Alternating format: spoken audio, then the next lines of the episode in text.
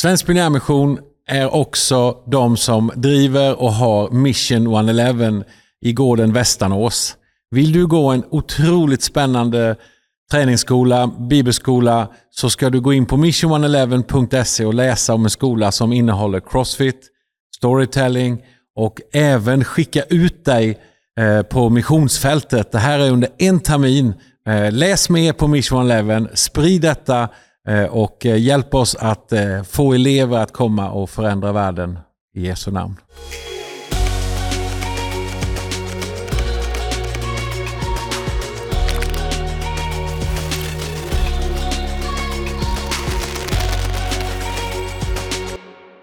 Tjena tjena, hej på dig. Här är Mikael Boman eh, från Svensk Pionjärmission och vår podd. Jag har Patrik Olofsson bredvid mig här och... Eh, igen. Igen. Och, ja, du kanske hör fiskmåsarna eh, som skriker i bakgrunden och vinden som viner.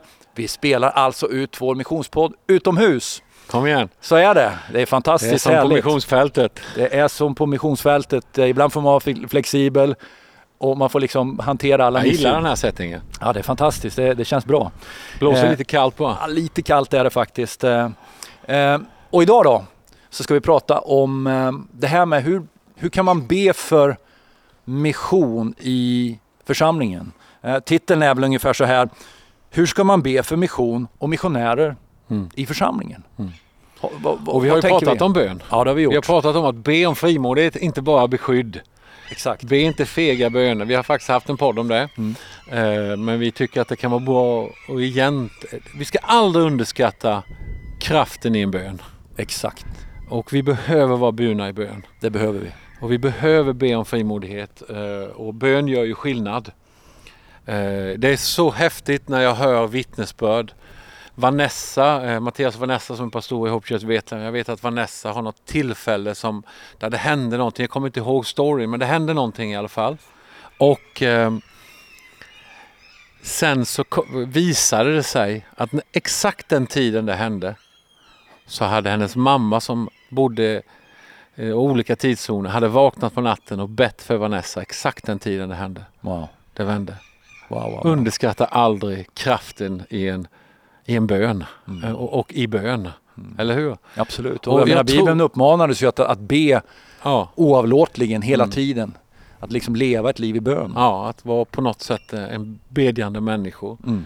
Och, och, jag kan börja med att berätta så kan du berätta lite. Vi, vi, vi, vi, har ju, vi är ju Hope Church. Jag leder ju Hope Church, jag är lead pastor där och vi finns, jag bor ju i Växjö och vi har vår församling, en av församlingarna där. Vi har vår moderförsamling, vår första församling i Vetlanda och vi finns också i Nässjö där vi spelar in nu. I Nässjö Utanför pinnen. Och, shout out till Nässjö. Ja, kanske shout out till pinnen. Men hur som helst så eh, så har vi, det var inte jättelänge sedan, vi, vi har alltid bett för, vår, för missionärer och, och, vi har ett gäng som vi ber för regelbundet och några som vi supportar.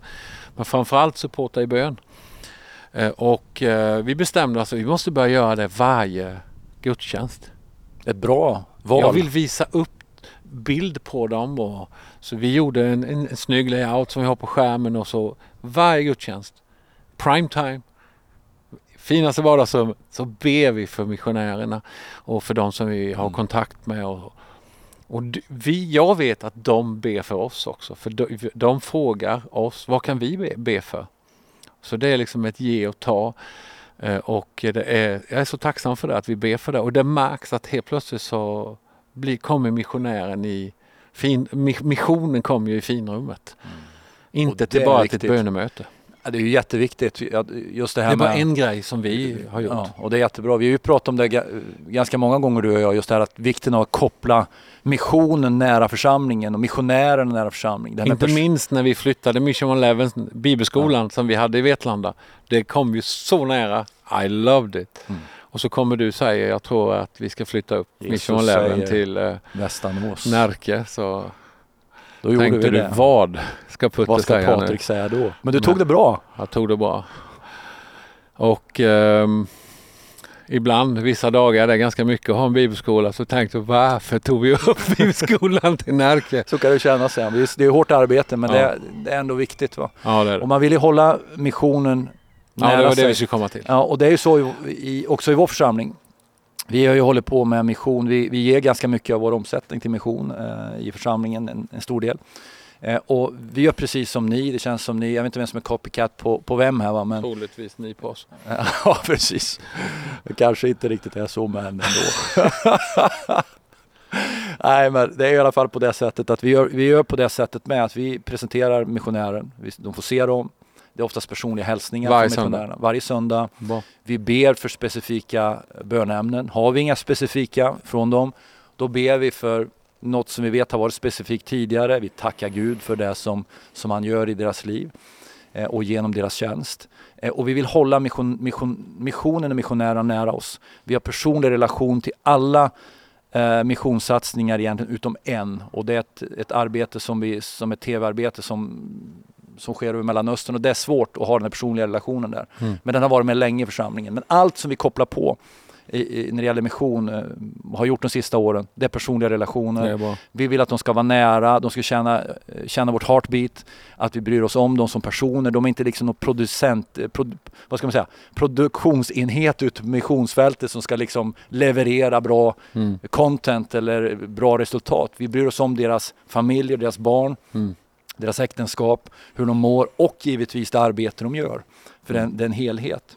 Och eh, superviktigt. Ja, det är bra.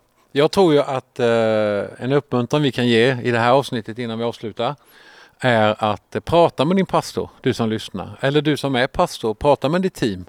Vad kan vi göra för att be mer? Vad kan vi göra för att lyfta upp missionärer? Har ni inga missionärer?